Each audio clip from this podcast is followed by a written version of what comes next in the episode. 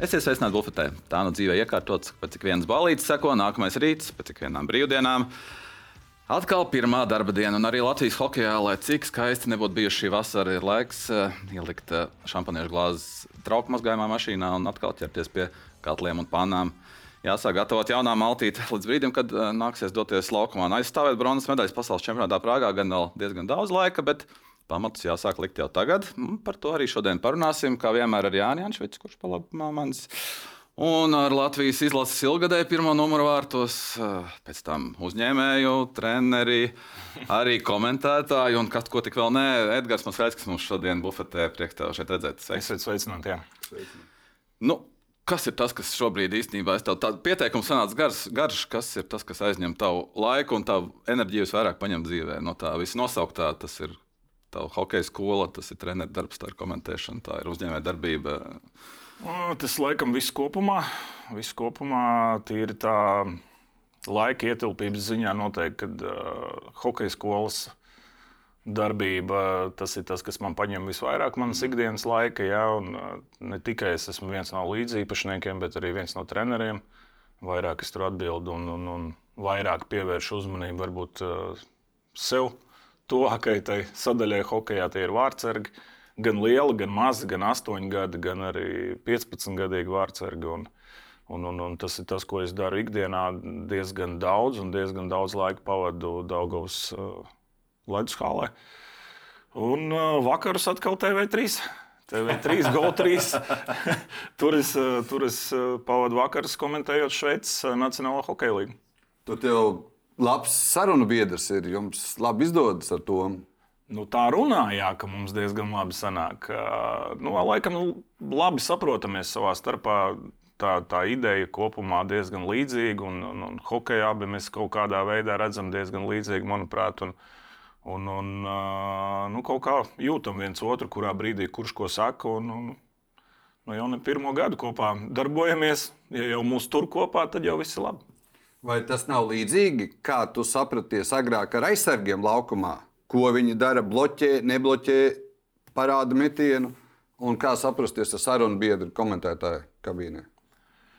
Nu, Ziniet, kā vārtos laikam tomēr ir nedaudz savādāk, jo vārdsargs, nu, es uzskatu, ka vārdsargs diriģē spēli savā zonā, un vārdsargs tieši vairāk atkal vairāk runā, vairāk bļaustās, vairāk saka, kur kas notiek un kas jādara. Ja? Šeit atkal jābūt tādam komentēšanai, jābūt vairāk tādam līdzsvaram. Jādod vienam iespēju parunāt, otrs paņem iespēju parunāt, tad viens izstāsta par tēmu kaut ko, otrs papildina. Nu, tas tāds kopīgs darbs vairāk. Bet, ja nav sapratni, grūti bija tur un grūti ir te. Ja nav viennozīmīgi, viennozīmīgi tikai laba komunikācija un tiešām viena otra saprāšana. Tas, tas ir tas kas, tas, kas viennozīmīgi palīdz.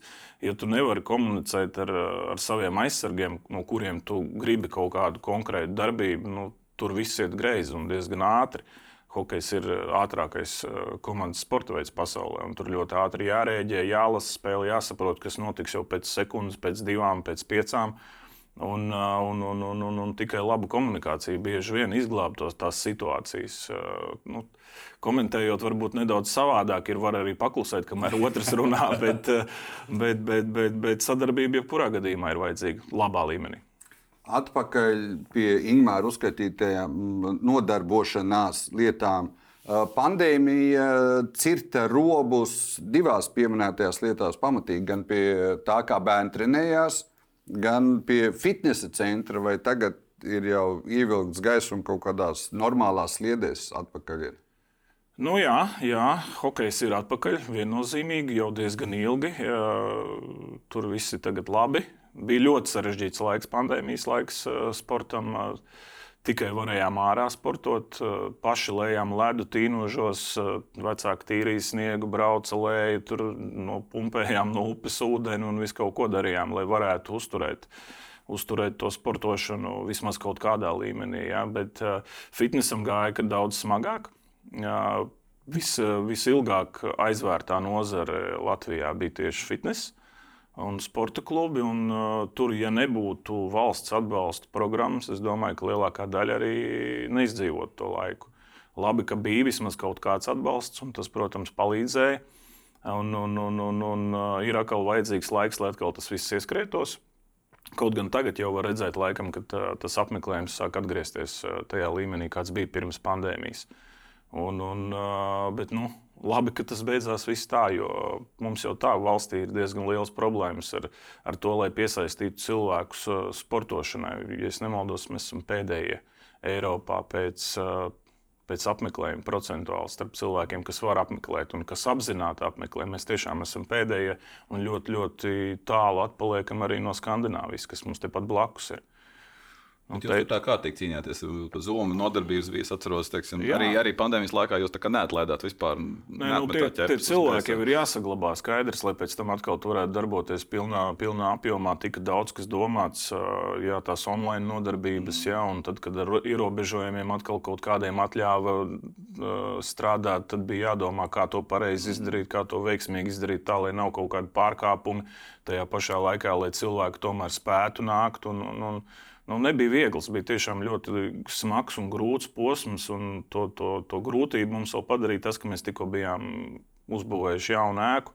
Tikko bijām sākuši jaunā vietā, lielām telpām, ar samērā lielām finansiālām saistībām.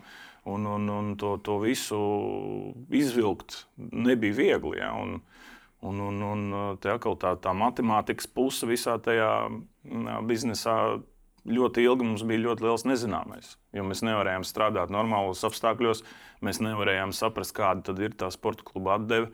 Un, un, un tikai tagad, kad ir pagājis tas pirmais gads, kad mēs principā bez pauzēm un bez ierobežojumiem esam nostrādājuši, tad mēs vismaz varam saprast, ko mēs esam izveidojuši un ko mēs šeit vispār darām. Ko jūs esat izveidojuši? Manuprāt, mēs esam izveidojuši ļoti fantastisku vietu Ikšķils iedzīvotājiem, Ogres novada iedzīvotājiem. Uh, Pēc visām atsauksmēm, pēc apmeklējuma tikai dzirdam pozitīvas lietas. Nu, skaidrs, ka ir kādi cilvēki, kas kaut ko paprasa, lai uzlabo vai, vai iesaka, bet, bet kopumā, manuprāt, mūsu tam fitnes centram ir vis, vislabākā atmosfēra. Cilvēki nāk tur ne tikai sportot, bet arī labi, labi pavadīt laiku. To redz ne tikai atsauksmēs, bet arī bilancē.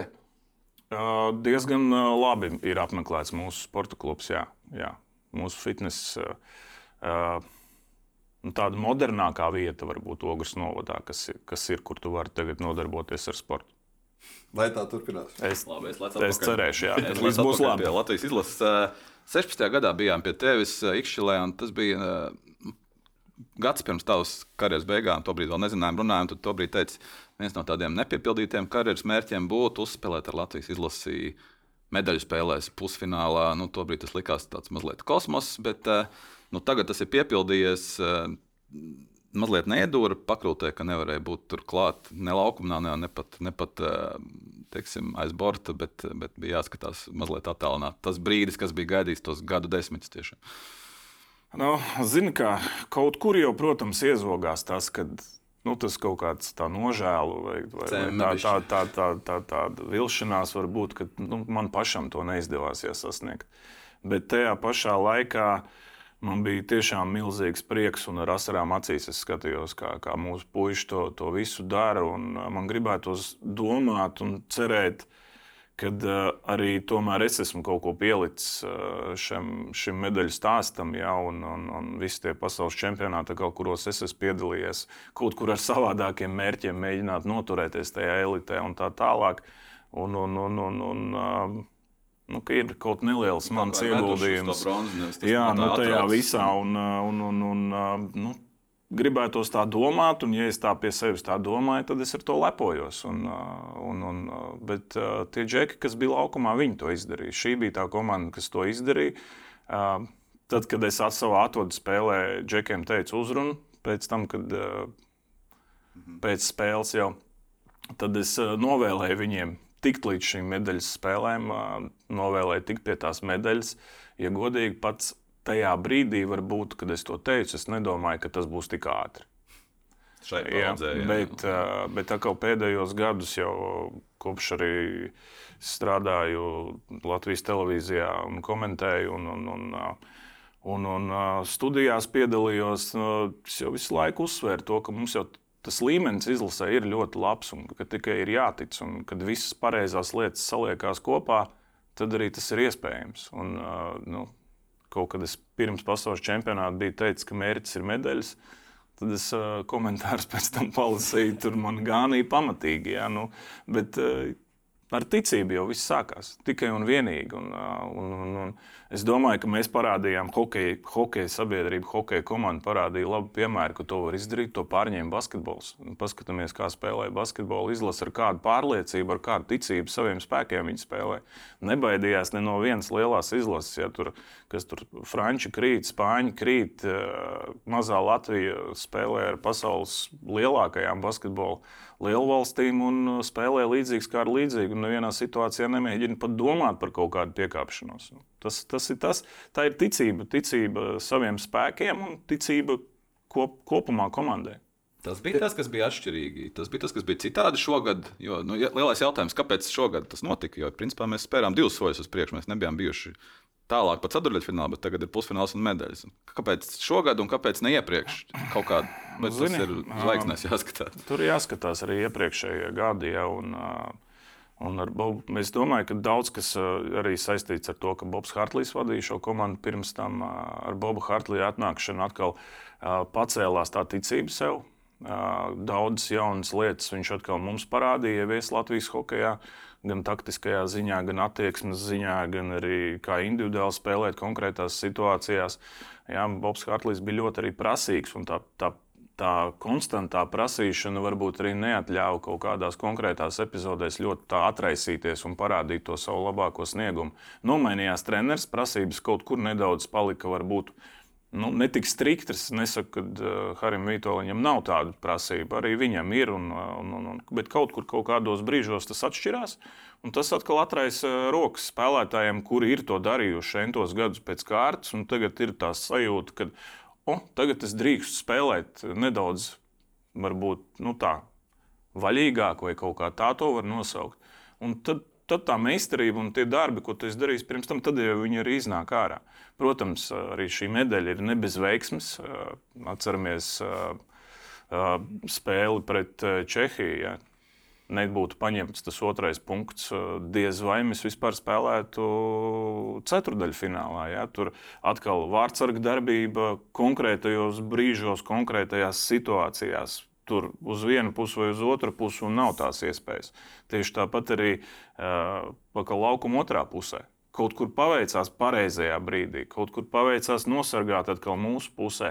Un tas tās mazās nianses, kas veido visu šo kopējo panākumu. Ja? Un mums iekrīt, viņiem neiekrīt. Mums iekrīt pareizajā brīdī. Viņi var ātri atkal atspēlēties, bet mēs uzreiz atkal dabūjam apakaļ tos vārdus. Un viss tā inerce plus tas fantastiskais atbalsts arēnā Rīga, kas dzina ceļus uz priekšu. Es arī tur citreiz runāju ar kādu pēc spēles. Viņi saka, nav spēka vairāk, mēs nezinām, kā turpināt. Bet tu izēj uz tā ledus, tu nedrīkst. Tev, tu atdod visu, kas tev ir. Ceļi izlika visu, kas viņiem bija. Mazās lietiņas salikās, treneri pareizajos, pareizajos brīžos izlaida pareizos cilvēkus laukumā, un viss sanāca.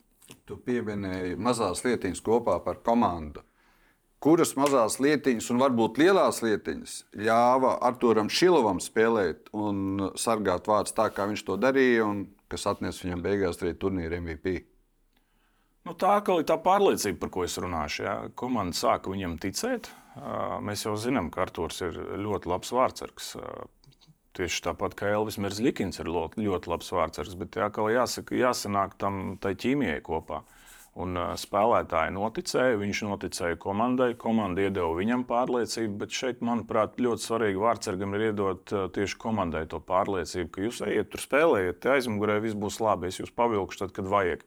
Un tas arī notika. Jā. Ja mēs tā atskatāmies uz visu turnīru, nu, vieni vārti ielaistie kaut kur varbūt pusotrs eh, ielaistais eh, gols varētu būt eh, kaut kur Šilova virzienā, bet visā pārējā viņš jau reāli vilka to komandu. Un pats svarīgākais, ko es jau minēju, ka pareizajā brīdī ir jānoķer tā ripa, lai tā inerce un tā ticība komandai paliek. Un kad viņi joprojām arī saprotot, ka mums ir 0-1 vai 0-2, bet nekas nav mainījies, mēs joprojām esam iekšā spēlē. Un, tā pieredze, ko viņš ko Šilovs ir ieguvis arī Ziemeļamerikā, nu, viņi atnāca tagad īstajā brīdī tieši ārā un bija vajadzīgi. Tas, ka viņš var spēlēt šīs lielās spēles, to mēs lieliski arī redzējām. Klāt, es tādu vidēju aritmētiskā dīvainu fanu jautājumu uzdodu. Tad NHL meklē citas kvalitātes nekā Eiropas hokeja. Jo, nu, kā, kā mēs savādāk skaidrosim to, ka īsti Vankūra pat neizskatīja viņu nu, tā pirmā komandai šogad. Bet mēs it kā runājam par pasaules čempionāta MVP, kas nozīmē tomēr, nu, par īpašām kvalitātēm kaut kādā mērā. Bet eh, nu, savā klubu sistēmā viņš šobrīd ir nu, 4. vai 3. Tur ir cita virtuve, cita uzdevuma. Un, uh, tur ir līguma saistības jau ar esošajiem vārdsargiem. Tas ir viens. Nav jau viegli tikt. Nu, tas nekas. Tas nekas. Viņi, es domāju, joprojām saredz milzīgu potenciālu Šilovā. Uh, tas, ka viņš šogad spēlēs vismaz kaut ko. Nacionālajā hokeja līnijā man par to vispār nav nekādu šaubu. Tad, kad viņš tur tiks izsaukts, viņam jānospēlē labi. Vēlreiz jāapliecina to, ka MVP viņš ir ne tikai tāpat vien, ka viņam divās nedēļās viss tur labi sagāja. Un tad jau komanda domās, ko darīt tālāk. Ja? Vienu no vārdsargiem iespējams mainīs prom. Varbūt nē. nu, skatīsimies, vēl ir traumas, vēl viss ir, viss ir iespējams. Bet tas, kad, uh, bet tas, ka viņam tās iespējas ir pašam, tagad tur jāizmanto. Tas gan viena iespēja, otra iespēja, neizmantos brīvs. To viņš pats arī palasīja, ka īstenībā viņš pats, ja viņam ir izvēle, viņš labāk ņem 65 spēles AHL nekā 25 NHL, kur tev tā kā parausta. Nu, šajā karjeras posmā, ka labāk spēlēt. Divos gados. Jā, nu, jā, respektīvi, jā, nu. visu laiku spēlēt un spēlēt labā līmenī, nevis būt otrajam, kuru nu, tur rausta. Tas ir. Eh, man patīk šie vārdi. Tas tāds brieduma pazīme. Kad, Nu, zini, kā nu, nav uzreiz jātiecās pēc, pēc, pēc tās pašas virsotnes. Varbūt arī kaut kur pats Arthurs jūt, ka varbūt līdz galam vēl nav gatavs pilnvērtīgi spēlēt Nacionālajā hokeja līnijā. Un te es kaut kādas paralēlas arī ar sevi savelku, jo man tā karjeras tā kāpnīte nebija balstīta uz uh, finansiālo pusi sākumā. Uz beigām, jā, es jau skatījos, kur man vairāk maksā, jo es sapratu, ka pēdējie gadi, vajag nopelnīt pēc iespējas vairāk. Bet sākumā es arī es braucu arī uz komandām, kas man solīja mazāk. Es skatījos, ka tur man būs labāk atkal, nu, potenciāli. Labāk es tur varēšu attīstīties, trenēties. Jā, un, kad es, ja es visu pareizi daru, tad gan jau tā nauda agri vai vēl atnāk. Un, un, un tas, ka Arthurs Šilovs domā līdzīgi, tas tikai rāda to, ka viņš eh, saprot eh, savas spējas, saprot, ko viņš eh, iegūst ar katru šo gadu, ar katru šo gadu spēlējot. Bet te tiešām ir ļoti svarīgi viņa vecumā spēlēt daudz. Lai arī kāds tas līmenis var būt solīts zemāk, bet tā kā tur AHL jau līmenis nav slikts. Ja mēs redzam, cik daudz no AHL brauc uz Eiropas top līgām, tad es pielīdzinātu viennozīmīgi top līmenim Eiropā. Uh, Un, un, un tur viņš to pieredzi sakrās. Un, tāds arī noteikti ir tas uzdevums viņam šajā sezonā. To arī noteikti arī Vankūverā grib no viņa, lai viņš spēlē daudz, un tad soli pa solim, un agrāk vēlāk, kā viņš tur nonāks. Tavā gadījumā šī pārdomātā karjeras būvēšana, neejot pēc lielākiem līgumiem, bet pēc loģiskākiem soļiem, tā bija tava izpratne par to, kā būvējas hokejs vai aģents. Ir tas, kas, bū, nu, es pieņemu, ka Arturam tomēr ir diezgan liela ietekme nāk no aģenta. Tavā nāk, gadījumā nāk, viņam arī ļoti pieredzējis aģents. Ir, tāpēc es domāju, ka tur Arthurs arī diezgan daudz ieklausās, ko viņam saka Teofanus. Bet, uh, manā gadījumā vairāk bija tā, ka man tās tās izvēles jau nebija tā, ka es varēju izvēlēties no trīs, četriem klubiem, piemēram. Ja? Nu, tas, kas man bija tur uz galda, es paskatos, ja tas es redzu, ka tas man sakrīt ar to, ko es pats gribu, tad es ņemu. Ja nē, tad tomēr es gaidu, kamēr kaut kas vēl labāk būs. Ja? Nu, Es jau diezgan vēlu sāku spēlēt tādā ļoti augstā līmenī, ļoti labā līmenī. Ja es esmu vēlējis hokejists, ja tā var teikt. Kaut gan jaunībā es biju perspektīvs ļoti, bet kaut kur aizķēros junioru vecumā. Uh, Bet, eh, bet nu, te, ir, te, ir, te ir viņa atkal līmenī, te ir jāskatās un jāklausa arī, ko tas aģents saka. Jāskatās, ko tev iekšējais es saka. Un, nu, neviens labāk par Arthuru šo situāciju nevar saprast un novērtēt. Uz kādu iekšējo es, kādā iekšējā es ir jāklausās Elvim Zļikinam. Viņam cita situācija, citi gadi kā, kā Arturam. Es domāju, ka Pirmām kārtām Elvis tiks ar visu šo situāciju galā. Es domāju, ka šī sezona parādīs, ka tā bija ļoti vienkārši neveiksmīga. Sakritība iepriekšējā sezonā. Jāsaka, godīgi, arī Kolumbus diezgan vāju sniegumu demonstrēja pagājušajā gadā. Uh, tas, ka Elvim bija vajadzīgs restarts un viņam bija vajadzīgs uh, nu, kaut, kāds, kaut kādas pārmaiņas, ir vajadzīgas pašam ar sevi arī. Un tas, tas gatavošanās process ir varbūt jāpamaina savu kaut kādās lietās, varbūt arī tas publiskais tēls, es teiktu, varbūt bišķiņā jāpiezemē. Nu, jo mēs zinām, kāds ir Elvis. Konfidence vienmēr ir ļoti augstā līmenī, bet te ir viena problēma. Ja tu ar ļoti augsto to konfidenci un to pārliecību pēkšņi sāk neķert ripas, tas dubultā nāk tev atpakaļ. Ja, un, un, un es domāju, ka ar to nav viegli pirmkārt sadzīvot, ar to nav viegli tikt galā, ka tu gribi parādīt, un tu zini, ka tu vari un tev nesanāk no vienas spēles uz otru, un tu slīksti vēl lielākā bedrē, tad, tad it kā tu runā skaļi, bet iekšā pārliecības vairāk nav. Tas ir tas grūtākais moments. Un, un, un vārdsargam ar kaut mazāko bijību, ejot vārtos, tās ir beigas. Tur nekā nav vairāk. Tu nevari spēlēt, jo, jo, jo tev nav vispār. Nu, ja es tā atceros savus visus tādus ļoti labās spēles, tad es pēc spēles domāju, kas man bija galvā vispār tajā dienā. Un es saprotu to, ka ir pilnīgs tukšums. Tu nedomā vispār ne par ko, tu vienkārši spēlē hokeju. Un tas ir tas brīdis, kad tu saproti, ka tu esi komfortā, tu esi lielā pārliecībā un tā tālāk. Un, un, un, nu, es, es ticu tam, ka Elvis restartēsies. Arī pēc tā, tā, tā body language, kāds ir tagad, skatoties to pirmo spēli, var redzēt, ka tā pārliecība viņam ir atpakaļ. Šeit ir vajadzīgs arī atkal tas veiksmes stāsts sadarbībā ar laukumu spēlētājiem, lai tā komanda atkal notic sev. Jo tur jau ne, ne jau tikai Elvisam bija problēmas pagājušajā sezonā. Tur komandai kopumā ir liels problēmas bijušas. Viņiem tagad kopā ir jāaug, jāsaiet kopā, jāveido tāda jaunā ģimene, tas pozitīvais, kas tur var būt atkal.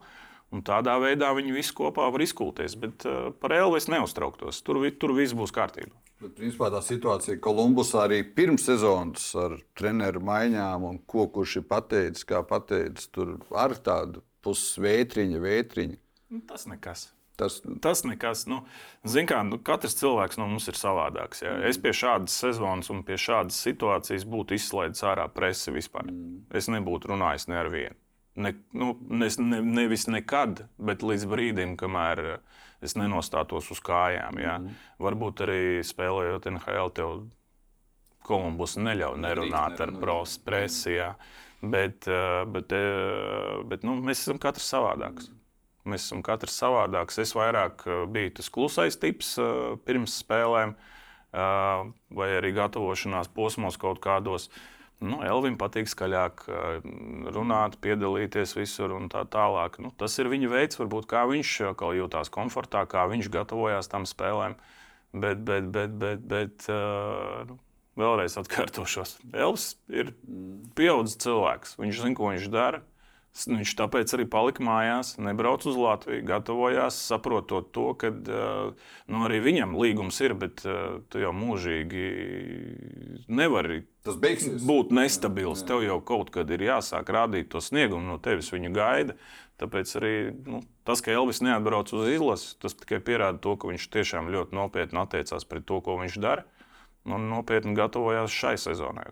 Tad tu kā vārdsargu treneris. Uh redzi un saproti tos soļus, ko viņš šobrīd spēr. Tev būtu varbūt citi padomi attiecībā uz komunikāciju, publisko vai vēl kaut ko, bet tā ideja, ka tu redzi, kā viņš mēģina līst laukā no tās bedres. Jo tu viņu zini, tu esi viņu strādājis 18. gada čempionātā, 19. gada čempionātā arī izlasē. 18. starp citu, viņam viens no labākajiem turnīriem vispār, man, manuprāt, karjerā, kas bija izlasē.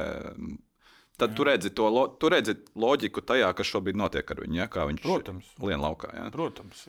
Protams, tur, tur viss skaidrs. Viņš arī pats ir apzinājies to, ka nav viss labi, ja, ka kaut kas ir jāpamaina. Tiek arī pamainīts fiziskās sagatavotības treneris, kas nav mazsvarīgi. Ja tu esi uzticējies vienam cilvēkam ilgstoši, tagad uh, tu saproti, ka kaut kas jāmaina, kaut kāda pieeja jāmaina. Varbūt. Nu, Elvis meklē tos risinājumus. Es domāju, ka viņš viņus arī atradīs. Bet, uh, Var mainīt trenerus, var mainīt uh, palīgus, var mainīt kaut kādus procesus, bet pašam ar sevi arī ir jāpastrādā. Un, un, un tad tas viss būs labi. Jā, vārds ar tenisi arī nomainījies. Es pieņemu, ka tas arī zināmā mērā ir faktors, jo iepriekšējais bija saistīts ar to personisko traģēdiju, kas ir notikusi viņa dzīvēm, kas tomēr bija, ir zināms pamats, viens no faktoriem, kas ietekmēja šo spēli. Tā kā varbūt tas ir kaut kāds arī, solis uz priekšu. Arī, protams, un, un protams nu, tas, viss, tas viss savilkās kopā. Ja viņš būtu citā komandā, ļoti stiprā komandā, daudz vieglāk būtu varbūt. Ja? Tā kā tas viss notika Kolumbusā, kur vēl visādas iekšējās nesaskaņas arī komandā. Nu, tas to, šo situāciju padarīja vēl grūtāku. Bet uh, Kolumbus viņam tic. Viņš joprojām ir pirmais numurs šajā komandā. Nu, Elvim tagad sev, sev jāpierāda. Vēlreiz, tā jau tā, tā pierādīšana, viņa jau nekad nebeidzās. Mm. Viņa nekad nebeidzās. Kamēr tu esi profesionāls sportists, tev jāstrādā un jāpierāda sev katru dienu, katrā spēlē. Tā stiprā komanda ir drusku pretrunā ar to, ka vājā komanda. Uh, vājajā komandā visticamāk, tu dabūsi, ko tu pieminēji, savus 40 metienus. Stiprā komandā vistuvāk 14 metieniem. Droši vien, ka tur kaut kādam balansam ir jābūt. Jo tu pats teici, ka labāk tev patīk, kā vārdsargam. Labāk 40 nekā 14, jo tas tev palīdz turēt tonu. Stiprējā, nu drīzāk ir tie 14, 16, 18. Jautājums, kur ir tā robeža, ka tu vārdsargs pasaki, nu, sorry, es neesmu burvis, es nevaru izvilkt visu, nu, kā Kolumbusai pagājušajā gadā. Nu, tur nav nekāda burvestība, bet tajā pašā laikā, ja tev tā spēle tiešām neiet, un, un, un, un tad ir grūtāk kaut tajā nosacīt vājākā komandā. Jo tev var būt pirmajās piecās minūtēs jau 3-4 bīstami momenti, un ja tev nesanāk pirmajās minūtēs, nu, tad tu vari iet malā. Uh, kamēr stiprākā komandā tev tā, tās, tās bīstamās epizodes vai nepatīkamās var būt nedaudz vēlāk. Tev atkal laiks ir iejusties, tev laiks atkal ir saprast kaut ko. Nu, tas, tas viss tāds. Uh, Tas viss ir relatīvi. Protams, man nepatika spēlēt stiprajās komandās, kad atnāk un uzmet pa vārtiem periodu laikā četras reizes. Man atkal tas bija grūti. Man patika, ka man 24 reizes. Bet uh, NHL jau nav tā. NHL jau tie metieni. Viņi jau ir, ir visu laiku. Gan tiem, gan tiem, gan vājiem, gan stipriem. Tieši tā, tieši tā. Mm. Kā 20 gadu laikā tu paspēji uzspēlēt ļoti daudz, kur pa visu Eiropu, Zviedriju, Krieviju, Čehiju, Slovākiju, Baltkrieviju, Vāciju, Šveici. Saraksts vai garais. Kur tev bija tā komanda, kur eh, nu, tur vārtos bija visstrakākā svīšana, kur, kur nu, regulāri met zem tanka? Tev ir palikusi tāda viena kaut kāda atmiņa par to, ka nu, tur tu baigi tomēr negribēji. Tev patīk daudz metienu, bet, nu, džek, tas bija bijis pa daudz, bijis pa traku. Mm. Es neesmu spēlējis top komandās nekādu praktiski. Tas, tas jau tieši provocēja šo jautājumu. Jā. Krievijā, nu, otrajā līmenī pēc, pēc spēka, tur, tur mēs bijām vieni no līderiem, bet tur kaut tas līmenis bija nedaudz zemāks. Es teiktu, ka visgrūtāk laikam bija Vācijā spēlēt Duisburgā. Jo tur uh, bija interesanti komandu novākt. Kad es uz komandu atnācu janvāra sākumā, viņiem bija četras uzvaras, man liekas, vispār. Un tur neviens nedomāja par aizsardzību. Tur bija epizodes, kad uzbrukums ir tajā zonā, un uh, nāk uz, pretuzbrukums 3 pret 1. Tie četri vai trīs skrien mainīties, un viņa vietā neviens nelec ārā laukumā, lai mīnus nedabūtu. Tad mums tur, tad mums tur vazā mēs kādas desmit sekundes spēlējam divi pret pieci, jo neviens nenāk laukumā. Nu, nu, tur, tur es biju pamests zem tanka, bet arī tur izdevās to komandu savilkt kopā. Jo nu, Vārtsargs var savilkt komandu kopā. Vārtsargs ir kā mugurkauls manā uztverē visai tai brigādē, kas ir vienā komandā. Un, uh, Pirmā spēle 0-9, otrā spēle 2-7, un tad mēs uzvarējām derbijā 1-0, un tad tā grupiņa kaut kā tā iztaisnojās. Jā, bet, bet tur bija traki. Tur bija traki, tur bija cilvēki ar plus-mínus koeficientu 48 sezonas beigās. Es arī negribētu teikt, ka bija bijušie NHL spēlētāji septiņi gabali komandā, un neviens nedomā par aizsardzību. Tur bija tāds krievu hokejs Ceļvānos, kurš nezinu, divu mēnešu laikā savā zonā nebija neviena brīdi, jo viņš gaida piespēli neitrālajā zonā. Tikai. Un tur bija smagi, jā, tur arī treneris īsti nebija. Tieši tajā brīdī, kad es atnācu, tad galveno treneru atbrīvoju. Tur Čels no Office vadīja to komandu kaut kādu laiku. Nu, tur, tur bija traki, tur bija traki, bet, bet ar visu to pēc tam ļoti veiksmīgs čempionāts Bernējā. Nu, tas atkal tās grūtības palīdzēja man sagatavoties tieši nākošajam posmam.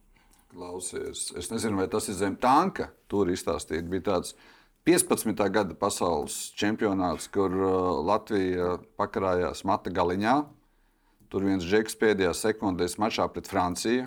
Meta brīdī, kad varbūt nevajadzēja mest. Tur gandrīz caur maskai varēja dzirdēt masaiska, gandrīz varēja dzirdēt masaiska balsi.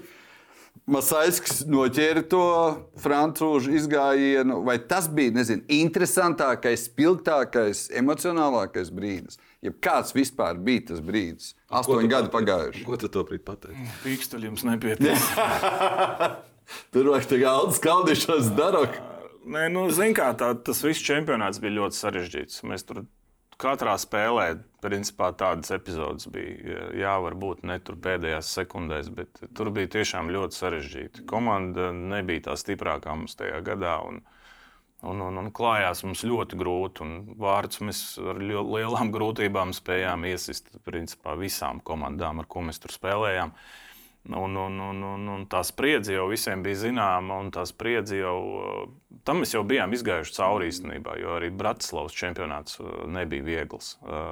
Uh, mēs spēlējām par palikšanu, zaudējot palikšanas turnīrā Slovēņiem, manuprāt, uh, ar 4-1. Mums pēdējās divas spēles obligāti jāvinē, un Baltkrievijā jāvinē obligāti vismaz ar trīs mm. vārtiem, lai paliktu. Nu, tā situācija bija vēl sarežģītāka. Šeit jau viena epizode tikai bija tāda. Bet, Spilgta. Spilgti, jā, nu, protams, tas ir, pēd, ir pēdējās sekundes, un, un, un, un tur var viss beigties. Laika jau atspēlēties, pēc tam vairs noteikti nebūtu. Tā nebija mati gaisā, ķiverēja viss. Nu, to jau varēja. Matus gaisā tos varēja redzēt pēc tam, kad jau tiesnesis bija spēle apturējis. Tur man emocijas pāri visām malām. Un, un, un, tas varbūt ne pārāk glīti arī izskatās televīzijas ekrānā, tagad skatoties, bet nu, tu jūti sajūtas prātā reāli uz trīs sekundēm. Tajā brīdī, kad tu sāc aptvert vispār, kas notiek. Ja? Un, skaidrs, ka es redzu, kas notiek otrā laukuma pusē. Es skatos, cik sekundes palikušas. Es domāju, pie sevis mums ir rīpa. Tur ir palikušas 15 sekundes, viss ir baigi skaisti. Nu, beidzot, nu, viss tas būs beidzies, vietu saglabāt. Nu, tādas domas jau galvā, nu, viņas jau iezogās, grib vai negrib. Nu, tad tu saproti, ka rekurbi ir pie aizsarga, vajag viņu aizmest aiz vārtiem un viss. Un varam sākt svinēt, viss mierā. Un tad cilvēks iemet slidās. Un... Tajā brīdī es nodomāju tikai vienu lietu. Stāv nekusties. Nedara neko. Gaidu, ko viņš darīs. Nu, tā arī sanāca. Viņš neko neizdarīja. Jā. Viņš iemet man vēdā. Mm. Un tad vēl daži spekulēja, ka speciāli iemet vēdā. Nu, nu, pilnīgs, nu, pilnīgs muļķības um, un, un, un, un tā. Bet, bet tā situācija, nu, pēc tam jau tu to saproti. Tajā brīdī labi, jau līdz galam prātā nesajūti. Ka tu biji atpakaļ vārdsargā un tas, nezinu, divās, trijās sekundēs. Nu, mentāli, garīgi apspēlēja Francūzi. Nu, kaut kādā ziņā es domāju, viņš pats apspēlēja sevi. Jā, viņam, viņam arī noteikti, jā, kāda, nu, jo viņi iemet, viss viņi paliek. Jā, jā. Mums ir viņi iemet, mēs krītam ārā. Nu, nu, nu, tur, tur tas viss, nu, tāpēc arī viņš izslidoja un apjuka. Jo viņš pēc tam meta bulīti. Jā. Nu, viņš man sarāva gabalos tajā bulītī.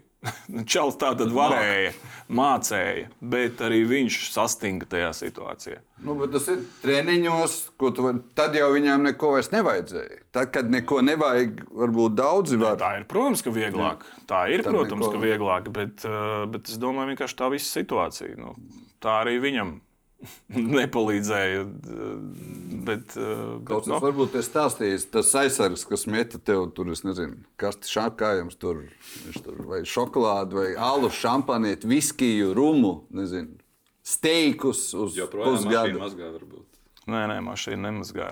Jā, mēs ar, mēs ar Kristapu nu, tādu čomu var teikt, ja, un pēc tam arī kopā Ladā spēlējām. Un, Un, un, un, zin kā, man visi jautāja par šo epizodi, nu, kā tev tas izdevās. Mm. Kā jūs domājat, ko viņam viss prasīja? jo viņam ilgi prasīja. Mēs katru reizi, kad satikām, viņš teica, es vairs nevaru. man katrs cilvēks, kas man satiek uz ielas, viņam ir pienākums pajautāt, kāpēc tā darīju, vai, vai, vai, vai vēl kaut ko. Bet... Man lielākais izbrīns bija, mums arī aizsargi, nosauksim, ir karstgalvi nu, Kristaps viens no nu, nosvērtākajiem, pareizākajiem lēmumiem starp aizsargiem. Nu, nu, viņš ir viens no tādiem aizsardzības tipa jā. aizsargiem. Jā, ar, ar, vairāk, visu. ar vairāk tendēt tieši domu par aizsardzību. Jā. Jā, nu, šeit Kliks. uz jautājumu, Soči, ko tu domāji, ko tu darīji. Nu, viņš man atbildēja, es gribēju iemest golu. es nezinu, kāpēc viņam pēkšņi tāds bija domu gājiens.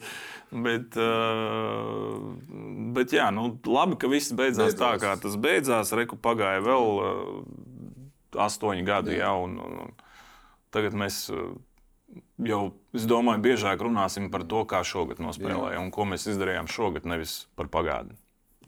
Bet Sočam bija arī laba epizode. Tomēr viņš no Kanādas vārtiem izvilka Olimpijā. Jā, nu, tā kā viņam ir līdzsvars, viņam, viņam pa divām epizodēm jautā, viena labā, viena slikta. Nu, viņam ir ļoti daudz bijušas labas epizodes. Tā kā Kristaps uh, bloķē metienus, nu, tiešām malets. Tagad zīle ir saskatījies, kā to darīja Sočs zila tagad to dara, bet nu, vispār mūsu aizsargi tiešām ir ļoti pašaizliedzīgi. Un arī laikā, kad es biju vārtos, bija tieši tāpatās. Neviens nekad negāja malā, un visi tie čaļi, kas spēlēja, izlasē, visi to darīja ar maksimālu jaudu. Vienmēr, katrā čempionātā, kaut kur vairāk, kaut kur mazāk, kaut kas sanāca, ja mums tā tīra kā komandai. Bet tas, kad es domāju, neviens nekad nevarēs pārmest to pašatdevi un to, to, to, to, to upurēšanos izlases labāk tur nav jautājumu. Ņemot vērā šīs emocijas, ņemot vērā, cik tu nu pats esi salauzis karjeras laikā, lai, lai, lai noņemtu niknumu, tu saviem dēliem novēli profesionālu hokeja karjeru. Jā, spēlē. Mm. Es nepārdzīvošu, viņa tāda nebūs. Viennozīmīgi. Tas ir sarežģīts jautājums. Ja, un, un, un, un man abi puikas spēlē, nav tie paši talantīgākie Nacionālā hokeja līgā. Diez vai viņi spēlēs. Uh, Bet, bet, bet uh, ir arī savi plusi tam profesionālajam hokejam. Nu, es varu būt tikai pateicīgs tam, cik daudz, kur es esmu bijis, cik daudz cilvēku es saticis, uh, pusi pasauli apceļojis, nu, vismaz to daļu, kur hokeja spēlē. Jo, jo šonadēļ biju, pagājušā nedēļa biju Skotijā, tur es biju pirmo reizi, jo tur hokeja tādā līmenī nav. Tāpēc, uh, nu, manuprāt, tā ir ļoti interesanta, aizraujoša dzīve, ļoti grūta fiziski emocionāli, morāli uh, smaga. Uh, bet, uh, bet ir ļoti daudz plusu. Ļoti daudz plusu. Vai es to novēlu saviem bērniem? Nezinu. Lai paši izvēlētos. Ja viņi grib spēlēt hokeju, es viņus, es viņus vienmēr atbalstīšu un uh, neteikšu, ka to vajag pārstāt darīt. Uh, kamēr viņi paši to vēlās, es kā vecāks varu tikai, tikai atbalstīt. Klausies, tu teici, smaga, piekrītu, vispār nav jautājumu. Bet vai pēc karjeras beigām nebija tā, ka, cik man ir stāstījis profesionāliem sportistiem, tomēr pēdējie, kam 15, 20 gadi ir bijuši sakārtoti pa minūtei, nu, pa pusstundai, tu vienmēr esi zinājis, tev kāds ir pateicis, kas tev būs jādara. Un tad beidzās tas vienlaicīgi grūti, bet vienlaicīgi viegli.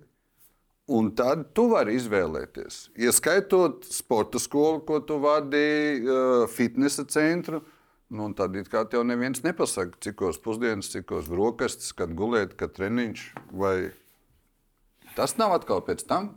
Tas grūti, arī ir grūti. Jā. Tas ir smags, ļoti smags posms, tad, kad tu pabeidz spēlēt hokeju. Tas ir ļoti, ļoti grūti. Ne visiem izdodas pirmkārt veiksmīgi tam posmam tikt pāri. Uh, man šī atkal sadaļa sadalījās divos, divos piegājienos. Uh, pēc 13. gada čempionāta, kuras eh, aizbraucu ar bēgtu celi, vēl līdz galam nebija viss tur labi. Pazaudēju visas tās darba iespējas, kas man bija jau uz galda nolikt, visi tie piedāvājumi. Ja, tad es visu to gadu praktiski nespēlēju. Līdz pat janvāra vidum, man liekas. Ja. Un, nu, tas bija ļoti smagi, jo tad man nebija ko citu darīt. Jo tad es biju hokeists. Un zināju to, ka vēl jāspēlē ir ilgi, nu, samērā ilgi. Ja, un, un, un, un tad tu no rīta pamosties un tu saproti, visa pasaule spēlē hokeju, un tev nav kur iet, nav ko darīt, tev nav ar ko trenēties. Un tu, tu, tad reāli bija ļoti, ļoti smagi. Jo es īrēju ledu tur, lai pats sev kaut kā uzturētu formā, zvanīju cilvēkiem, meklēju, kas nāks ar maniem patrenēties. Uh, tas, bija, tas bija tiešām šausmīgs posms. Uh, Un uh, tad, kad jau es uh, pieliku atkal punktu jā, savai karjerai, tad jau man bija tajā brīdī citas nodarbes, ko var darīt. Plāns tālāk. Nu, kaut, jā, nu man jau fitnes centrs uh, bija kopā ar sievu. Akal, ja. Diezgan ātri es arī pārgāju uz treneru darbu. Man nebija tā posma, kad es sēžu mājās un man nav kur iet un nav ko darīt. Jo pareizi tu jau saki, tavā vietā citi domā, kur tev rīt jābūt, cikos tev jābūt. Un te tu pēkšņi, nu, forši ir nedēļa, divas, neko nedarīt, varbūt trīs. Bet pēc kaut kāda laika jau tas tā kā, nu, ko tagad? Nu, tu sēdi mājās un domā, nu, jā, bērns aizved tur, šur, nu, viss kā labi aizved uz veikalu, nu, kaut kur aizved, kaut ko izdara. Bet reāli kaut kāda ļoti liela iemesla kaut kur kustēties jau nav. Un tas ir sarežģīti. Tas ir sarežģīti. Un, un, un, un, nu, tam karjeras beigām viņam ar tomēr ir jāgatavojas. Manuprāt, vispareizāk ir tā, ka tu pie sevis nolemj pirms pēdējās sezonas, tas ir pēdējais gads. Un tu jau morāli gatavojies tam, ka tu pēc šī vairāk nespēlēsi. Jo, nu, gaidīt to pēdējo piedāvājumu novembrī un decembrī, un tev viņa nav, un tad saprast, ka tu nespēlēsi vairāk, nu, tas ir daudz grūtāk, manuprāt. Vai tur galvenais palīgs lielajam punktam sieva? Gan uh, fitnesa centrs. Nu, tas ir vēl viens, nu, kas izstāsta. No malas ir sajūta, ka dzīves biedrs ir ļoti svarīgi. Ir kad... svarīgi, ir, ir svarīgi tieši pretēji, lai turpinātu spēlēt. Mm. Manā uzturē, jo, te, jo tas atbalsts ir vajadzīgs mājās arī pret, eh, pēc neveiksmīgām spēlēm, pēc brīžiem, kad tev liekas, ka viss. Manuprāt, tieši ģimene ir tas, kas sakal, tev palīdz turpināt to darīt. Man sieva vienā brīdī nebija teikusi, ka man jā, jāizbeidz hokejs. To es sapratu pats. Mm. Bet lielā mērā es pabeidzu spēlēt tā, ka man veselība beidzās. Es vairāk fiziski nevarēju paspēlēt. Pēc tās pat atvadu spēles arī Dāvim intervijā uzreiz pēc spēles es teicu, ka tas nav viss vēl, kad mm. viss ir izlasējis. Bet tad es zināju, ka man vasarā ir jāoperē gūža, un uh, tur ir uh, procentuāli diezgan līdzīgi. Vai paliks labāk, vai nepaliks labāk, vai es varēšu tā rehabilitācija gāja uz priekšu, sezona jau sākās, principā, un es jūtu, ka es joprojām nevaru neko izdarīt. Ne es varu paslidot, ne, ne, un doktors saka, nu, tu vēl vari gadu, divus, bet tad nāc, un tad mēs jau liksim mākslīgo gūžu. Un tad es saliku to kopā domāju, gadu, divus, un pēc tam man mākslīgo gūžu. Nu, kaut kā man likās, ka varbūt tomēr pietiks, nu, ka nevajag. Un plus tad man zvana Zvanīja Girts Ankipants jau kaut kad oktobra sākumā. Viņš saka, Klau, nāc man palīgā uz Dienāmo. Izvēlēs pats. Vai nu ir vārtos, vai nāc man palīgā treneru korpusā. Nu, tad es savilku to, ko man doktors saka. Nu, Rekuris esmu atpakaļ hokeja, nav vairāk jālauž kauli. Nu, mēģināšu tagad būt treneris. Nu, tā, tā arī tas, tas tā diezgan dabīgā veidā arī beidzās priekš maniem. Kaut pa puikām iesāk Toms 13, eh, protams, joprojām pa Latviju, bet uh, Emīlam 17 viņš ir Zviedrijā. Tas pats solis, kāds tev laikam bija pirmais ārzemju klubs, bija Zviedrija. Uh, tas kā, ir tomēr apzināts kā, solis karjeras virzienā, vai, vai, vai kāpēc tāda izvēle? Tas ir apzināts solis tādā veidā, lai bērns turpinātu spēlēt hokeju. Jo šeit neredzēju, tā vecumā īsti tā. Šeit ir grūti šeit ir tagad varbūt šī situācija, ka jau trīs gadi ir pagājuši kopš brīža, kopš viņš aizbrauca uz Zviedriju. Tagad varbūt atkal nedaudz savādāk. Tagad, tagad, tagad tās iespējas arī, ja tu netiec tajā saucamajā spēcklasē, tad, tad, tad ir vēl te, kur kaut ko padarīt, jā, un pietiekami normālā līmenī. Bet tajā brīdī es neredzēju jēgu viņam šeit palikt. Viņš arī pats vairāk negribēja šeit palikt. Viņš jau bija paspēlējis divās komandās. Un, un, un, un, un netiekot pie liela spēles laika HS Rīgā, kas ir spēcklase, nu, tad skaidrs, ka uh, visur citur vairāk nebūs tik labi un ka jābrauc prom. Uh, to dara īstenībā ļoti daudz bērnu. Arī ne tikai tie, kas netiek spēcklasē, bet arī viena no labākajiem ļoti ātri aizbrauc prom arī 14, 15 gados. Bet, bet tā es redzēju to iespēju bērnam attīstīties, Un, un, un, un, bet, primāri, bet primāri tā viņa lielā vēlme braukt prom no, no Latvijas uh, un spēlēt ārzemēs, tas ir tas, kas mums pamudināja to darīt. Ja, un, uh, arī tur Zviedrijā viņš nespēlēja pašā augstākajā līmenī. Ja, viņš spēlēja divīzijā viens, kas ir uh, līmenī zemāk. Ja, Bet uh, viņš tur ir laimīgs, viņš ir priecīgs. Cilvēks dzīvo viens pats, uh, taisa ēst, uh, mazgā drēbes, uh, mācās skolā nedīda. Uh, Tikai pa telefonu. vai Nu, jā, teica, pamāca, un tad bērns citreiz nomet telefonu, arī pasakā, beidz man mācīt, vai tur vēl kaut ko tādu. Ja. Bet uh, es jau pats izgāju tam cauri. Es vēl agrāk, mēs, man aizsūtīja prom 11 gados uz Ameriku, ja, un uh, es izgāju tam cauri. Uh, Kļuvu ļoti ātri patstāvīgs, un uh, es, es daudz plusu saredzu tajā. Ja? Un, ja man bērns saka, teikt, palīdzi, es gribu aizbraukt prom, sakārto, atrod man kur un ko, kāpēc lai es to nedarītu? Ja? Es, es ticu tam, ka uh, jau 15, 14, 16 gados, ja bērnam uh, ir dota tā, tā, tā, tā, tā tendence, vai kā, vai viņa tā apziņa, ka viņš var dzīvot viens un viņš ir patstāvīgs, tad, tad, ir jāsūta. Jā, ir bērni, kurus nevar sūtīt, varbūt pat 16 gados. Viņš netiks galā. Bet nu, mans dēls tiek ar to galā. Viņš pats tur ir priecīgs, pats laimīgs. Agri vai vēl viņš atgriezīsies atpakaļ. Es klausos, Edgars, Vilkos ir 13-gadīgais uzbrucējs Toms. Jā, Viņš var braukt prom, kā, vai jau ir plāns, vai kā? Nē, pagaidām nekāda plāna nav. 13. Pagaidām nekāda plāna nav. Abi bērni ir diezgan atšķirīgi. Viens ir superaktīvs, jau pēc gadiem jaunāks nekā viņš varbūt iekšēji pats jūtās, un tāpēc Remīla atkal bija viegli. Nu, tu jau redzi, ka viņš tam ir gatavs. Toms atkal ir nedaudz savādāk tipa cilvēks. Es tā baigi dotajā brīdī nemaz neredzu, ka viņš pats gribētu braukt kaut kur. Ja? Nu, viņam, man liekas, ir labi šeit. Un, un, un, un, un viņam ir kur spēlēt Baltijas vilkos. Tāpēc es neredzu jēgu nekādu pagaidām. Ja? Un, un arī,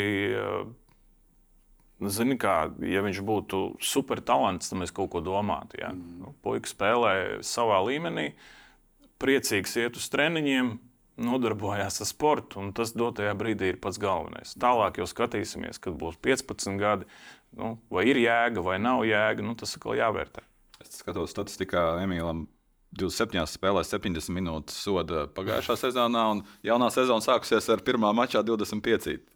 Jā, Tas tāds raksturiņš vai? Jā, jā. Nu, viņš ir nu, tāds nikns, varbūt kaut kādā mērā hokejists. Viņš ir aizsargs un, un, un, un ar vārtiem neizceļās tik bieži, bet ar spēku paņēmieniem gan. Un, tad tie spēku paņēmieni citreiz ir pārāk agresīvi. Un viņš tiek pie tām soda minūtēm. Bet, bet, bet šogad baigi interesanti. Viņam tiesneši tur arī Zviedrijā visādi gadījumi ir. Un uh, interesanti, viņam piesprieda 25 minūšu noraidījumu, tad, kad brīdī, kad uh, viņš nāca laukumā pēc maiņas un nostājās iemetienā. Pie viņa pieslido tiesnesis un pasaka, krošķek, ej projām. Un izrādās, esot bijusi epizode kaut kādas desmit minūtes iepriekš. Nu, man līdz galam nav skaidrs, kā tas ir noticis, kā tas ir iespējams.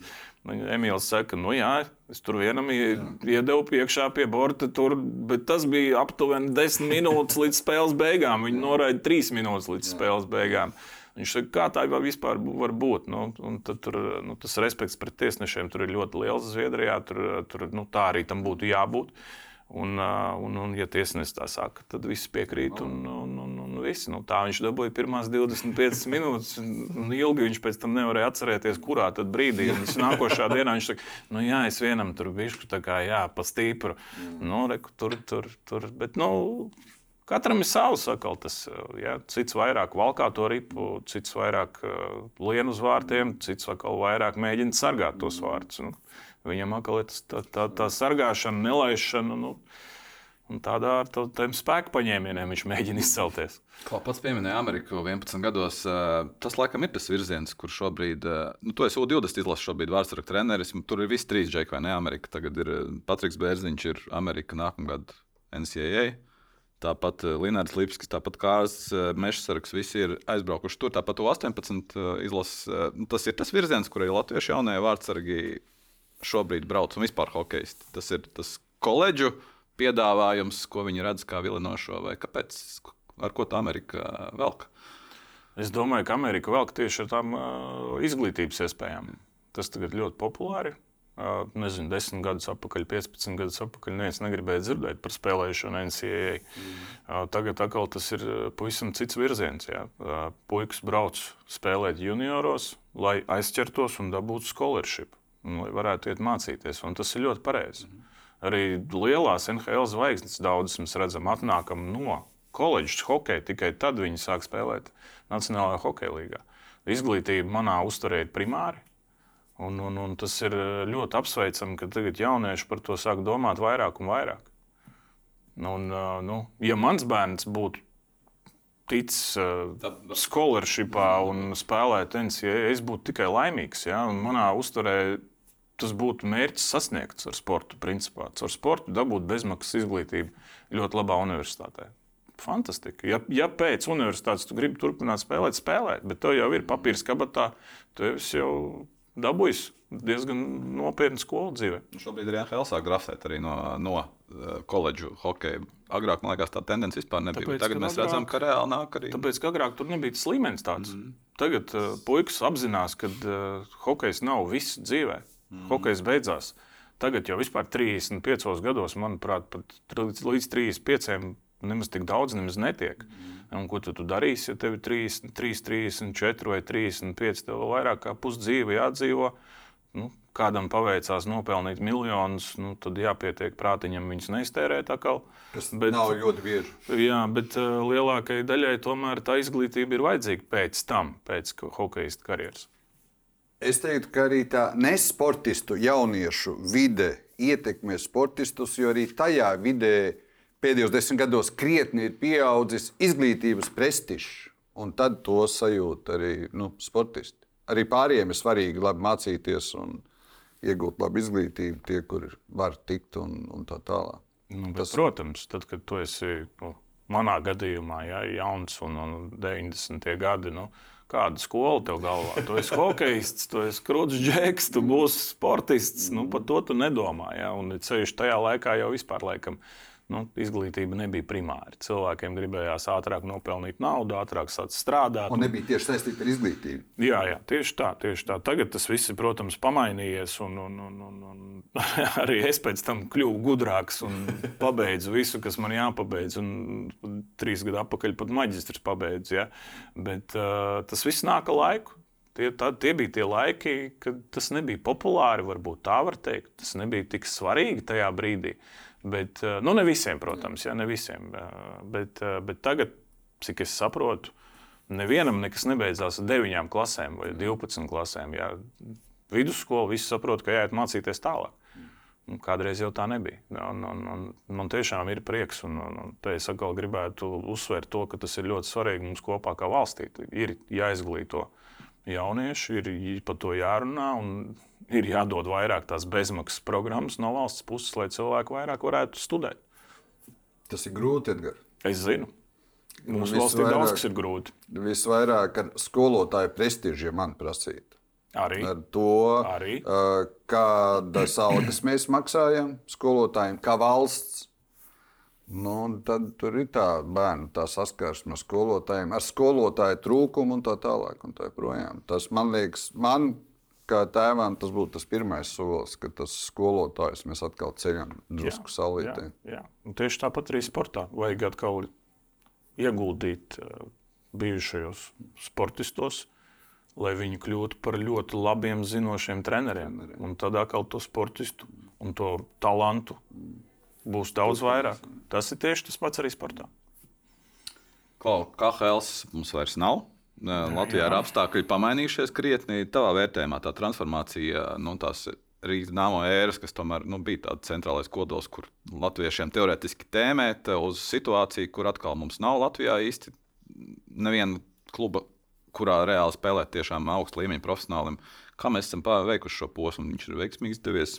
Ir kaut, tur redz kaut kādas problemātikas, tas, ka mēs atkal esam izšķērdīti pa visu Eiropu un kā nu kuram izdodas atrast to sev piemēroto vietu. Uh, to mēs redzēsim, es domāju, pēc kaut kāda laika. Skaidrs, ka Rīgas, Rīgas dāmo um, bija pareizajā laikā un pareizajā vietā. Es teiktu, tā. Jo caur Rīgas dāmo tomēr izgāja diezgan daudz cauri hokeistu, un tomēr arī tie hokeisti tagad spēlē Latvijas izlasē. Vai ir labi, ka ir tāds bāzes klubs, un, un, un vai ir labi, ka visi ir izmētāti pa pasauli? Nu, kā jau minēju, to mēs redzēsim. Ja? Jautājums, es... kādā izskatās tas bāzes klubs, jo pēdējos gados bija liela jautājuma par to. Nu, tas... tas arī, jā, tas arī tas, ka tu visu laiku zaudē, tas nav baigi labi. Tur tā, tā izaugsme nav baigi, baigi labā. Ja? Citreiz pat ir labāk nespēlēt tādā līmenī, bet spēlēt līmeni zemāk, bet ar lielāku spēles laiku, kur tev vairāk uzticās un tā tālāk. Nu, mums atkal bija tā, ka uh, tie leģionāri Rīgas Nāmo bija vairāk līderu lomās, un tad mūsu puiši paši netiek pie tam labajām iespējām. Ja? Uh, nu, izņemot atsevišķus gadus, kur atkal latvieši tiešām labi spēlē. Uh, es neredzu neko sliktu tajā, ka Rīgas dāmas vairāk nav. Uh, arī šis pasaules čempions to pierādīja. Ja? Mūsēji ir izmētāti pa visu Eiropu un spēlē labā līmenī, atrod labas vietas. Jā, atalgojums noteikti nav salīdzināms ar to, kāds bija kontinentālajā hokeja līgā. Tur atkal tas, tas ir tas, ko noteikti hokejs teiks, žēl, ka nav vairāk. Jo nevar tik daudz vairāk nopelnīt, bet tajā pašā laikā es domāju, ka tas nekaitēs Latvijas hokejam, ka mums nav tādas komandas vairāk. Skaidrs, ka priekš hokeja attīstības kopumā vismaz vienai ļoti augsta līmeņa komandai Latvijā būtu jābūt. Vismaz vienai būtu jābūt, kas spēlē, nu, teiksim tā, Somijas līgā varbūt. Mēģina jau. Nu, mēģina, jā. Pirmais es... mēģinājums bija. Nu, tur ne līdz galam viss izdevās. Ja neizdevās Somijas pārliecināt, turpināt šo sadarbību. Nu, tā tad Latvijai jāizdara vairāk. Mm. Labāk komanda ir jāsavāc, vairāk finanses jāpiesaista, jāizdara šis uh, projekts izdevīgāks finansiāli Somijam Daļai varbūt ir jāapmaksā viņiem biļets, lai viņiem būtu vieglāk, lai viņi gribētu braukt uz šejienu. Ja, un, un, un, nu, bet visam pamatā jau apakšā nauda. Visam pamatā ir apakšā nauda.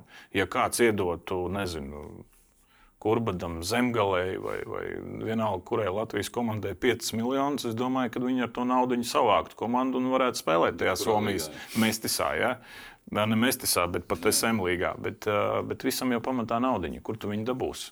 Edgars, naudiņa Mēs gan arī katram hokeistam pajautājām. Naudiņu visbiežāk ietod tur, kur nāk skatīties hokeju. Nerunājam tagad par spēcīgo komandu Somijas līgā, uz to nāk skatīties. Mums tagad ir uh, vietējā, vietējā čempionātā arī Igaunijas komanda. Vai tu saskati, ka tuvākajos gados uz vietējo Latvijas, Baltijas čempionātu tur nāk skatītāji? Nu, kaut tūkstotis. Jā, kāpēc ne? Bet tāpēc, ka mums atbild, ka īsti nē, nav apstākļu. Kāpēc? Nē, es arī ceru, ka tas ir. Hokejs jau kas ir? Nu, kad spēlē, piemēram, bērni, nezinu, desmitgadīgi savā starpā. Ja ir līdzīgas komandas un interesants hokejs, viņš jau nepaliek neinteresantāks. Mm. Ja Latvijas čempionāts ir ar tādu līmeni dotajā brīdī, kāds viņš ir, tas ir ok. Vienkārši vajag, lai tās komandas būtu vairāk, lai tā intriga būtu lielāka, lai nav divas komandas, kas savā starpā izspēlē čempionu titulu, vai piecas, sešas komandas. Un tad jau, tās, tad jau tā interese un tā ažiotāža aug. Cilvēki grib nākt skatīties. Nu, Paskaidrs, uh, fināls pagājušā gada, aizpagājušā gada. Pilns, pilnas arēnas. Ja? Bet tāpēc, ka tur ir divas komandas, kas ir līdzīgas, un viņas plēšās savā starpā. Un tur uzreiz ar, ar to plēšanos ar to līdzīgo cīņu. Kad spēlē komandas kauls kaulā, un tu nezini, kurš uzvarēs, tad nāk arī cilvēki. Viņi grib redzēt. Vienalga, principā, kāds tas ir līmenis, to, to, to, to, to emociju un to enerģiju tu jau vari dabūt arī kā līdzjūtējs skatoties Latvijas čempionātu. Bet tām spēlēm ir jābūt interesantām, viņām ir jābūt konkurētspējīgām. Vai tu piekrīti, varbūt paradoksā Rīgas bufetē? Sestdien Tallinas Panther vinēja Mogo. Jā, varbūt tas pa labu Latvijas hokejam, lai viņi spēlē, varbūt pa labu. Skaidrs, ka nākamajā dienā pārliecinoši vinnēja, lai tur kāda komanda ir Tallinā, kāda viņa Kaunijā. Tur lietuviešiem švakā. Nē, man vinēja Mogo. Nu jā, kaut ko savādāk. Atsevišķās spēlēs, protams, kad uh, uzvarēs tie Igauni. Un Lietuvieši atsevišķās spēlēs uh, uzvarēs tur. Ka, Labi. Kaunija ir samērā laba tā Jā. komanda ja, šajā sezonā. Bet uh, es domāju, ka tas ir tas ceļš, kas mums ir jāiet. Dotajā brīdī mums ir Baltijas valstīm, manuprāt, arī jāmēģina jāveido tas hokejs kopumā. Uh, Skaidrs, ka latvieši šeit ir uh, nu, galvenie manā uztverē.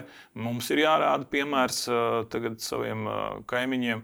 Un, un, un tā Baltijas līnija ir jāveido. Un gan jau arī lietuvieši pievilksies, gan jau arī uh, Igauni vēl uh, progresēs. Bet tajā pašā laikā, manuprāt, tomēr ir jābūt tai vienai meistara komandai Rīgā. Tikai kur lai spēlē? Tas ir jārisina. Bet tam visam pamatā, kā jau mēs secinājām, ir finanses. Ja kāds atnāktu onkulīts un teiktu, lūdzu, ņemiet naudu, viņu spēlējiet, es domāju, ka ļoti ātri atrastos cilvēki, kas gribētu to organizēt, cilvēki, kas, kas visu uztaisītu un viss arī būtu. Bet tajā pašā laikā to Baltijas līgu arī vajag attīstīt. Jo visi tajā vienā komandā nevarēs spēlēt. Un ir jāattīsta Latvijas čempionāts, ir jāattīsta latviešu jaunatnes hokejs. Un caur to latviešu jaunatnes hokeju mēs arī tiksim pie vairāk un vairāk labiem hokeistiem. Tev tāds darbs agrāk un šobrīd trenēt un domāt, cik būs hokeistu, kas spēlēs un kā viņi spēlēs. Man darbs ir bijis ar skatīt, domāt par to, lai nāk.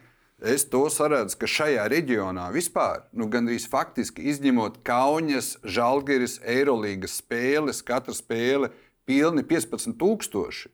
Mēs neesam pieredzinājuši skatīties, nav ko skatīties. Jo tās pilnās zāles, tu pareizi pateici, bet tie ir uh, vienā zālē 400 un otrā 800. Tāpēc es domāju par to, ka, lai atkal pierod nāk skatīties, nu, kaut tūkstotis, kaut tūkstotis, ka, nu, kur gan mums nav daudz to vietu, kur nākt tūkstotis skatītājiem skatīties hokeju. Un tad, tu, jo tā naudas došana visbiežāk ir, es domāju, ka ir beigusies naudas došana bez skatītājiem. Nu, tīri kā projektam. Jā, bet um, ņemot vērā to, ka uh, tīri uz skatītājiem arī tie klubi nevar izdzīvot. Nē, bet tad tas atbalsta tev ir vieglāk pamatot, vai tā būtu kāda pašvaldība.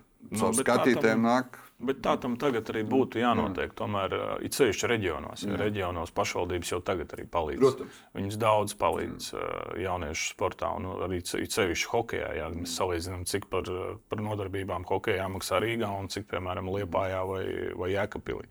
Tad tur ir milzīga starpība. Bet skaidrs, ka nu, ir par to jādomā, ir tas jārisina. Ir problēmas ar infrastruktūru.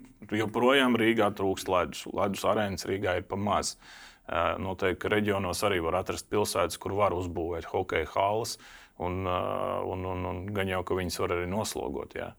Uh, Nu, šeit, šeit, ir, šeit ir jādomā. Katrai pilsētai, manuprāt, arī sevišķi reģionos, tomēr ir jāattīsta sports vairāk. Kāpēc Valmjerā nav virslīgas komandas, piemēram? Kāpēc Vēnspilī? Ja mēs tikai par hokeju tagad. Vai tās ir tādas pavisam sīkas pilsētiņas, kur nevarētu to attīstīt? Nu, tur ir jābūt cilvēkiem, kas grib to darīt, entuziastiem. No tā arī viss parasti arī sākās. Jā, Tā tad nav. nav, dotajā brīdī nav. Nu, Cits sports veidi ir veiksmīgāk. Citi atkal tur ir veiksmīgāk, jā, nu, Nu, tā, tā tas, diemžēl, ir. Un, uh, skaidrs, ka arī grūti ir uzreiz vienlaicīgi visās pilsētās uh, izveidot kaut kādu tādu stiprāku komandu, ja, kas var spēlēt Latvijas čempionātā. Bet ar laiku to noteikti var izdarīt. Un tur vajag pamatā tos bērnus. Bērnu daudzumu, labus trenerus, uh, labas skolas, kas, kas arī iet uz mērķi attīstīt to hokeju. No turienes jau tie produkti būs. Tomēr Tamperes bronza nebija tā burvīga nūjiņa, ka šķiet, uzrādās un atrisinās vairāk lietu. Jā. Es teiktu, tā, ka šo situāciju tagad hokejam kopumā ir jāizmanto. Arī Hokeja federācijai ir jāpastrādā, jā, jo hokejs ir augstākajā punktā. Tagad nu, arī basketbols, protams, jā, un, un ir jāiet, ir jāprasa, jā, jālūdz palīdzību un, un, un jāmēģina iesaistīt un piesaistīt finanses. Jā, palīdzēt, varbūt arī sporta skolām kaut kādus valsts atbalstu dabūt un, un tād, tādas lietas. Jo, jo, jo, jo sevišķi Rīgā tiešām ļoti daudz un dārgi ir jāmaksā par, par hokeja nodarbībām vecākiem. Rīgā tas ir ļoti dārgi. Par to bronzas efektu runājot, nu, nesabīra arī spēlētājiem uz galvas beigt tie, tie lielie labie līgumi. Uh, tādu ilgtermiņa efektu redzi šim, ka nu, tomēr būs arī spēlētāja reputācijas, bet pasaules čempionāts tieši tāpat kotējās, kā, kā Šilovas gadījumā tas īsti nenostrādāja. Tad arī Eiropā skatās tomēr uz ilgtermiņa tādu karjeru un rādītājiem, parametriem, nevis uz, uz to, ka oh, Džeki nospēlēja un dabūja. Ja godīgi, es arī biju domājis, ka tas palīdzēs tikt pie labākiem līgumiem. Neizskatās īstenībā, ka tas Nu, kādam ir, jā. Protams, ir cilvēki, kas ir labas līgumus parakstījuši un labās līgās, bet ir arī cilvēki joprojām bez darba. Jā. Arī tādi ir. Arī, arī, arī, arī tādā, tādā gadījumā, jā. Bet, nu, nezinu, Rihards varbūt arī nepaņēma uzreiz kaut ko, ko viņam piedāvāja, cerēja, ka uz kaut ko labāku, nu, tagad tas labāks ir jāpagaida. Nu, gan jau, ka viņš atradīs un, un spēlēs. Bet, bet vai, mēs, vai, vai šī bronza kaut ko tagad uzreiz ātri pamainīs vai piesaistīs bērnus, es, es, es nedomāju. Es nedomāju, tas var būt tāds īstermiņš. Te atkal es uzsveršu to, ka kamēr, kamēr tas ir populāri, kamēr hokejs tagad ir uz zirgā, nu, atkal tiem funkcionāriem šo, šo situāciju vajag izmantot. Jā, un, un vajag piesaistīt papildus gan finansējumu, gan atbalstu, gan, gan, gan arī interesi. Vairāk ir atkal tā tie, tie mūsu valsts ir, viņi ir jāinteresē, lai sports atkal attīstītos. Klausies, atpakaļ pie jau reālās melnās tripas un ledus. No tiem mūsu hokeistiem tev tavs hobijs, nodarbošanās komentēšana ļauj, liek visvairāk sekot līdzi uh, Rudolfam Balceram. Kā viņš izskatās Šveicē? Ļoti labi. Tiešām ļoti labi. Nu, Tiks viņš... atpakaļ uz okeāna to pusi? Uh, nezinu. Nemāku teikt. Tas, ka viņš ir viens no tādiem spilgtākajiem spēlētājiem Šveicē dotajā brīdī, viennozīmīgi, bet tādu tur ir diezgan daudz. Katrā komandā pa divi, pa trīs, es pat teiktu, nu, sevišķi stiprajās komandās. Ja, kopā ar Malginu viņš spēlē. Malgins arī tikko atnācis no, no, no, no NHL. Ja. Uh, Gan jau viņiem abiem ir mērķis tikt atpakaļ, un tas no viņiem pašiem atkarīgs. Protams, Akal, tur ir kaut kāda kontakta, tur ir Crawfords, tur ir eh, varbūt viņš kādam kaut kur atkal ieteiks, eh, ja viss būs labi ar Balceru Cīrihē. Eh, vai tiks atpakaļ, to, to neviens nezina. Bet es domāju, ka tā varbūtība ir diezgan liela. Virziens tas uzņemts. Jā, jā punkti krājās. Jā. Vārti ir, spēlē ļoti lielu pārliecību. Varbūt kaut kur pat citreiz ar pārlieku lielu pārliecību. Bet, bet, bet konfidence Balceram ir. Man liekas, viņš jūtas ļoti labi Šveicē. Jebkurā gadījumā, ja arī aizbraucot atpakaļ, tur kaut kas nesanāk, viņš Šveicē vienmēr gaidīs ar atklātām rokām. Un, un, un, nu, nav jau līdz galam darbiņš padarīts. Nē, nu, ir nospēlēts tikai 11 spēles šajā sezonā. Bet, bet kurs tiešām pareizais? Ir mums vēl piemēri. Nu, Traumaks ir atbraucis no Amerikas, no AHL uz leju, Rubīns ir atbraucis no AHL uz Eiropu. Tas ir kaut kāda, kaut kāda tendence kopumā, ka mēs mēģinām šeit restartēt. Nu, mūsu labākie džeki mēģina Eiropā restartēt to savu mazliet tur sanīkušo karjeru, varētu teikt. Tā. Nu, jā, nu arī tas AHL, zin kā, nu, gribās jau arī kaut ko nopelnīt, jo AHL jau tās algas nav tik lielas Eiropā. Ja salīdzina ar AHL, tad tomēr maksā vairāk. Ja tu atbrauc uz Eiropu, tad atkal viss veiksmīgi, plus tu arī pie kaut kādas naudiņas tiec. Nu, ja viss ir labi, tev sauc brauc atpakaļ. Nu, ja nē, nu, tad jāspēlē atkal Eiropā. Nu, te jau viss ir labi. Ja tu spēlē Zviedrijā, Šveicē, Čehijā, Somijā, nu, visās tajās top līgās, nu, tad tu esi kaut ko sasniedzis. Ko esam labi parunājuši, nevar neprasīt. To 20 izlasē īstenībā diezgan maz laika palicis. Pēc Ziemassvētkiem uzreiz pasaules čempionāts. Uh, grupa diezgan smaga, jāsaka. Kā vienmēr. Kā vienmēr, īstenībā, ja desmit komandas čempionātā, tad nevar būt viegla grupa. Bet, uh, Varam gaidīt, domāt, cerēt, sapņot par vēl vienu varbūt brīnumu šī gada, kalendāra gada ietvaros. Vai tas ir mazliet pat traku no, no junioriem gaidīt kaut ko tādu? Nevis varam, bet vajag. Vajag, vajag. vajag. Ar ko mēs sākām šodienas sarunu, ka ir jātic. Ir jātic, tiešām jātic. Junior hokeja to izdarīt ir uzreiz teikšu daudz grūtāk. Mhm. Jo pasaules čempionātā Latvija pret Kanādu, piemēram, nespēlē pret labāko, ko, labāko Kanādu. Bet U20 līmenī ir. Tur, tur ir visi U20 labākie pasaules Droši spēlētāji. Tas pats Zviedriem, tas pats jā. Somijam. Pilnīgi visiem. Jā. Arī Latvijai. Jā. Visi labākie ir. Un, un, un, un tas tā, tā varbūt tā meistarības starpība ir lielāka nekā lielajā izlasē. Bet tajā pašā laikā Vārtsargs veiksmīga spēle nevienādos sastāvos, neliela veiksme kaut kur atsevišķās spēlēs, un viss ir iespējams. Nebijām jau mēs nemaz tik tālu Edmontonā. Uh, 2-1 zaudējām ceturdaļfinālā um, Zviedriem, astotdaļfinālā. Nē, ceturdaļfinālā. Ceturdaļfinālā, pareizi, es jau pats putrojos. Un, un, un pie, pie līdzīgas, manuprāt, spēles mēs spēlējām diezgan labi ar Zviedrijas labākajiem hokeistiem. Nu, tur Tas viss ir iespējams. Tur, kā, nu, jo, lielāk, jo tālāk tu tiec, jo vairāk tevi respektē. No tevis vairāk baidās eh, pretinieks. Nu, iedomājies, eh, kāds būtu sašutums, ja mēs tos zviedrus vinnētu. Kāds būtu šaš, sašutums Zviedrijā? Zviedrijā. Mums uh, būtu milzīgi svētki un, un, un festivāls, un, un, bet tajā pašā laikā nu, zaudējām Zviedriem. Nu, it kā nekas traks nenotika. Bet nevajag tā domāt. Ir jā, jāliek tie mērķi augstāki, un agri vai vēl tos mērķus sasniedz. Nu, tieši tā. Un, Šis gads pierāda. Un, un tas viss ir iespējams. Viss ir iespējams. Vai mēs bijām domājuši, ka uh, basketbols. Uh, šādi nospēlēs. To, to, to, to manā uzturē vispār neviens pat klusībā necerēja, ka tā var notikt. Bet uh, paskatieties, visas lielās izlases tika apgāstas. Principā. Nu, daudz arī netrūka viens metiens, viens metiens. no medaļu spēles. Un uh, Olimpiskajām spēlēm. Arī. Kuras vēl nezinām, kā notiks un vai notiks. Nu, Tas ir cits lietas. Metiens, jā. Labi, Edgars, teiksim, paldies, ka tu atnāci. Manuprāt, forši parunājām. Novēlējums varētu būt, lai tu to medaļu sajūtu izbaudi vēl šī gada ietvaros. Ja ne šī, tad nākamā, bet jebkurā gadījumā iespējas ir, uh, lai izdodas uh, junioriem šogad. Mēs laikam tiksimies ar tevi pēc nedēļas. Šķiet, pie, pie šī paša galda arī ar jums tiksimies pēc nedēļas. Pie šī paša galda sāksies NBA jaunā sezona. Droši vien, ka par basketbolu runāsim, bet šodreiz tas arī viss. Paldies, ka skatījāties, klausījāties. Visu labu!